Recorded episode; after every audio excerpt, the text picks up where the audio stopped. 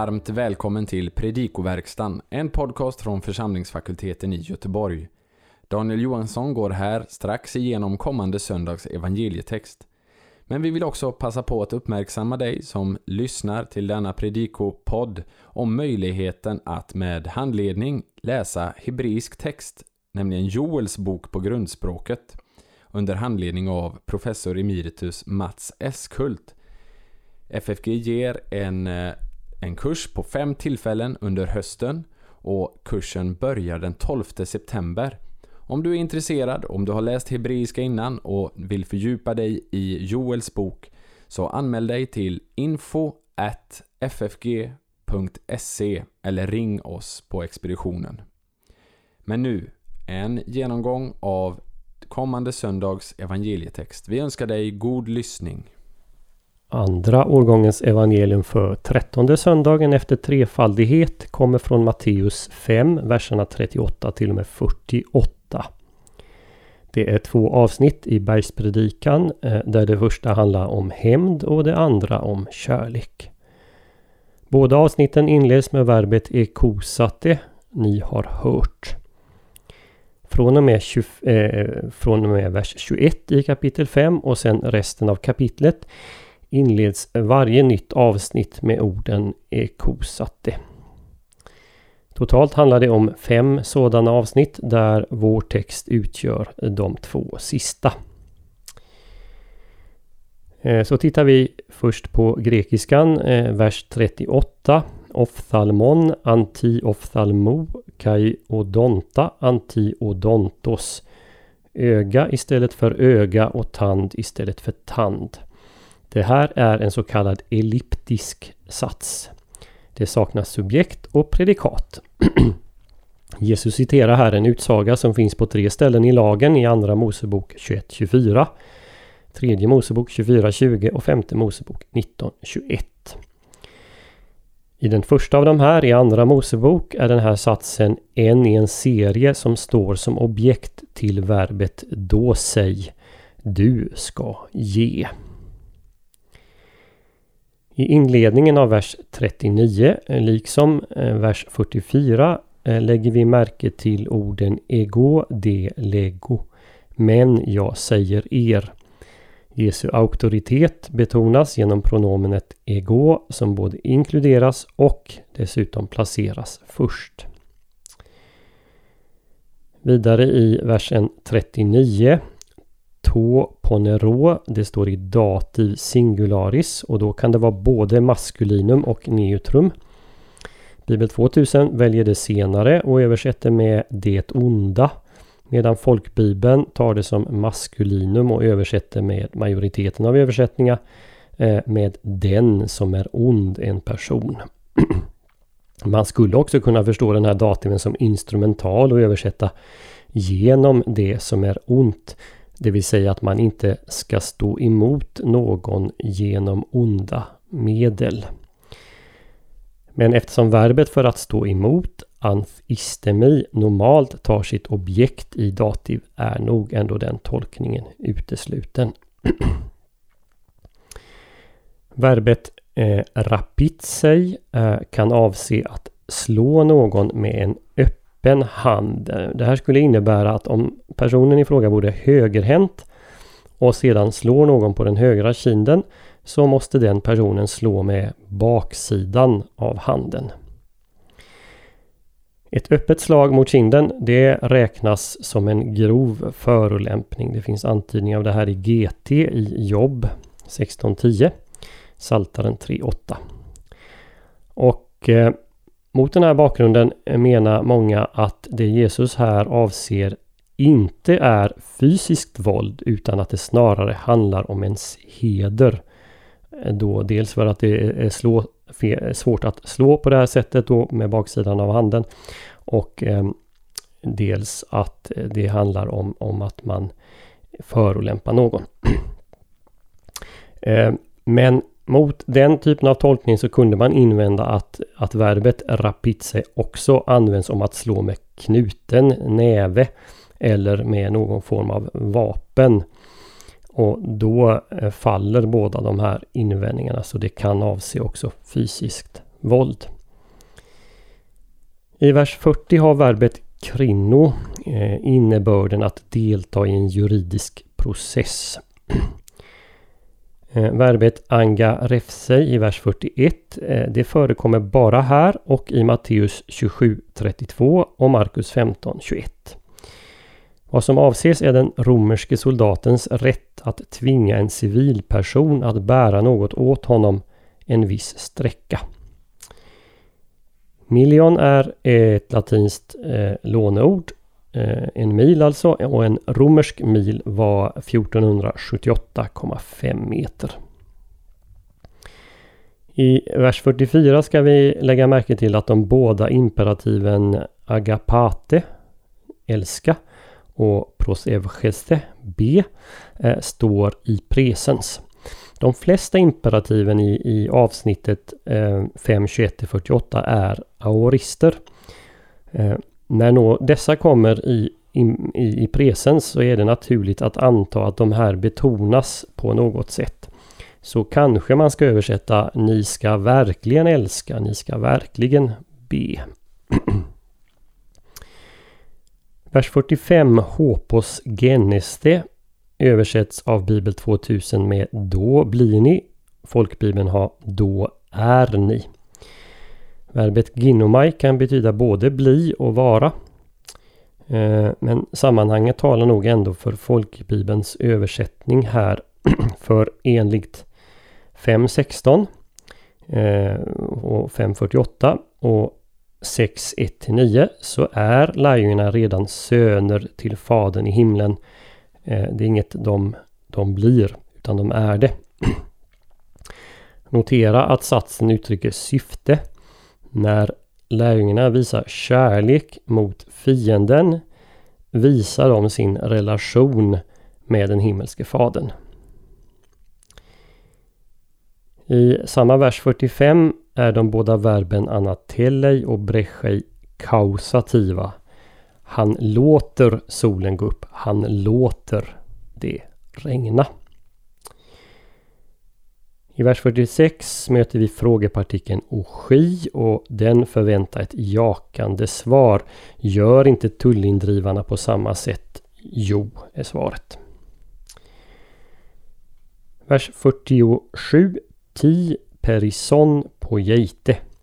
Vad överflödande gör ni eller vad märkvärdigt gör ni? Den här formuleringen bildar troligen ett inklusio med vers 20. Där det står Ian med perisevse hymon he dikaiosynne pleionton grammateon kai farisaion. Om er rättfärdighet inte mycket överflödar över de skriftlärdas och fariseernas. Här har vi alltså besläktande ord som gör att hela det här avsnittet hänger ihop.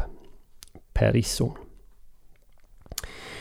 Eh, i vers 48 utelämnar Bibel 2000 on, alltså i översättningen. Men med den partikeln förs hela resonemanget som påbörjats i vers eh, 20 eh, eller 21 till sitt slut.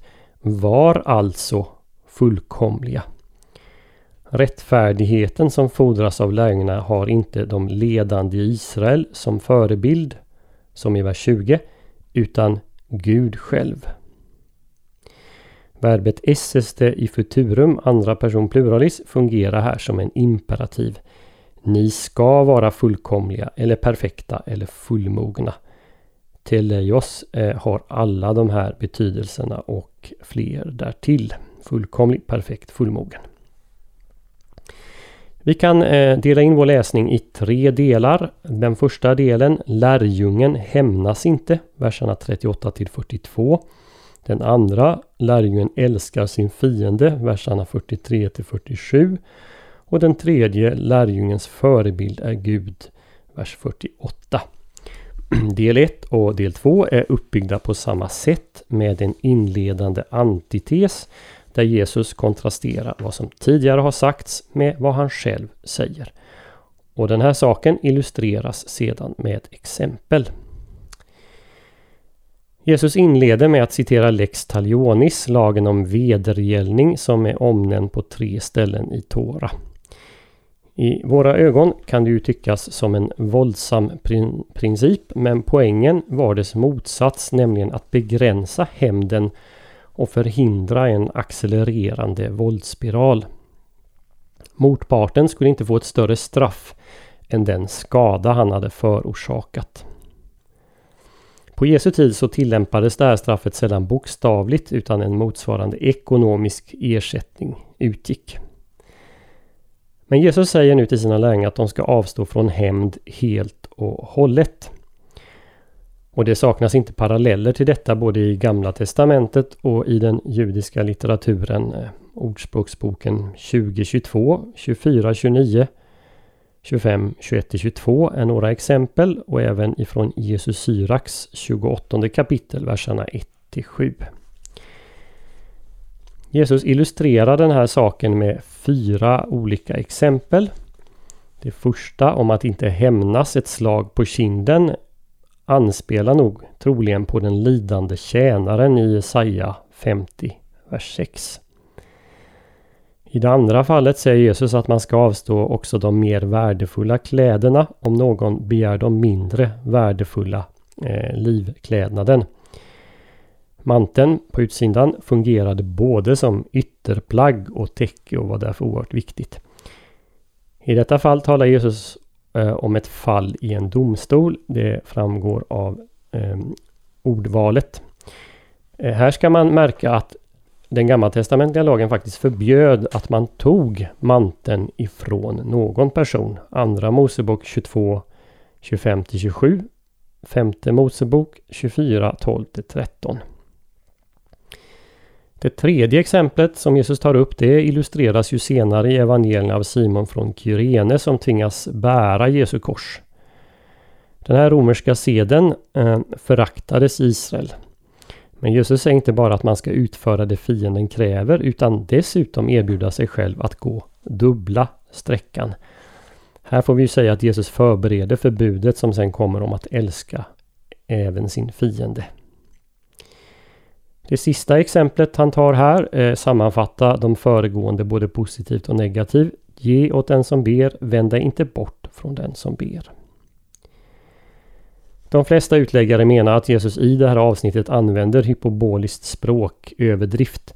Och det framgår väl inte minst av vers 40. Allt för att driva hem poängen att den enskilde inte ska hämnas.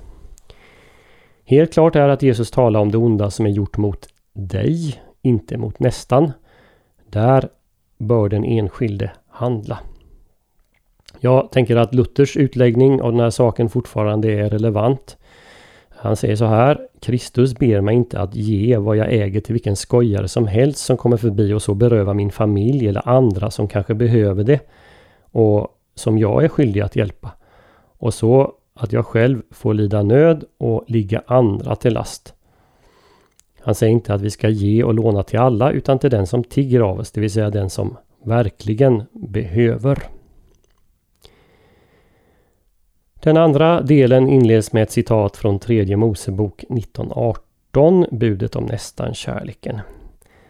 Men påbudet om att sen hata sin fiende, det går inte att belägga i lagen, även om det här och var i Saltaren uttrycks hat mot dem som hatar Gud.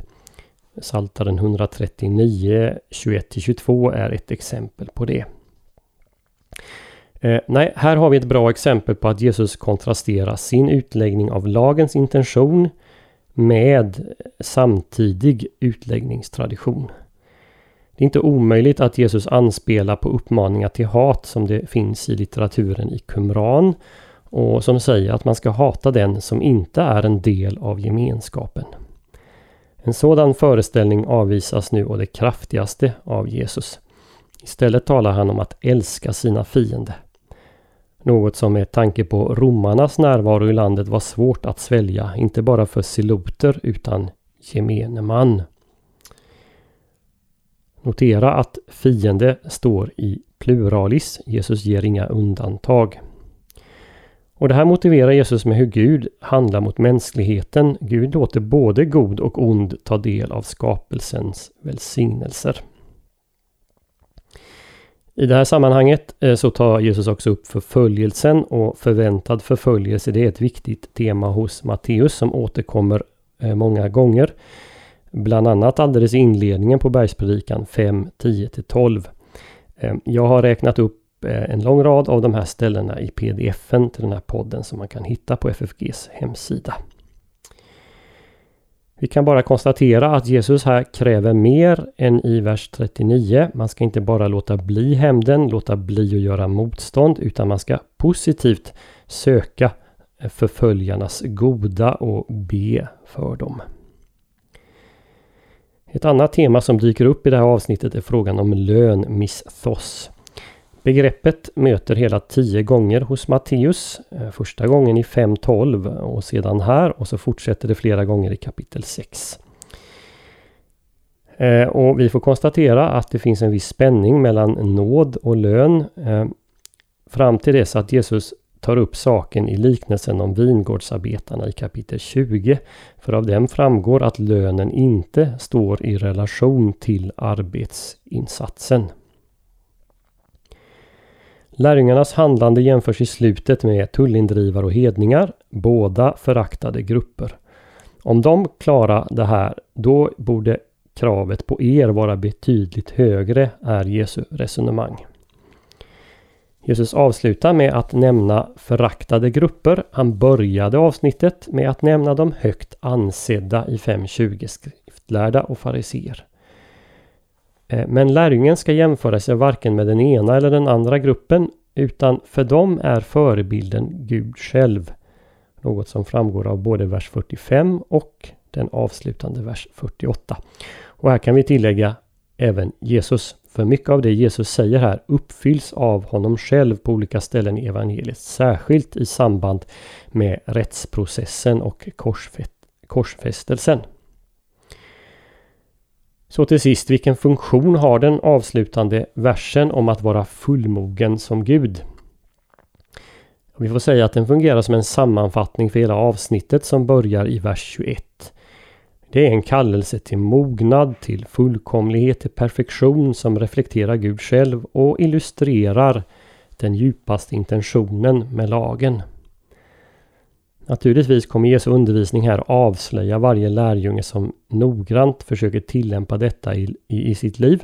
Eh, den lärjungen kommer avslöjas som en syndare.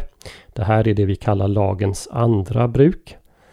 Men vi måste också säga att Jesu främsta mål med avsnittet är att vägleda sina lärjungar, det vi kallar lagens tredje bruk.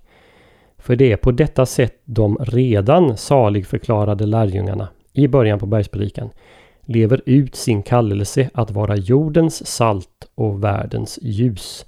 Eh, som Jesus säger i verserna 13 och 14 i det här kapitlet. Så hoppas vi att denna genomgång får bli till hjälp och välsignelse för dig som har lyssnat. På vår hemsida www.ffg.se kan du hitta information om hur du kan stödja fakultetens arbete, bland annat som genom den här podcasten. Ett sätt att stödja är att skänka en gåva genom Swish. Församlingsfakultetens Swish-nummer är 123 100 8457. Alltså 123 100 8457. Mottagaren som anges är Peter Isak Bens utbildningsstiftelse. Märk gärna gåvan FFG Podcast om du vill stötta just denna podden så önskar vi dig allt gott och Guds välsignelse.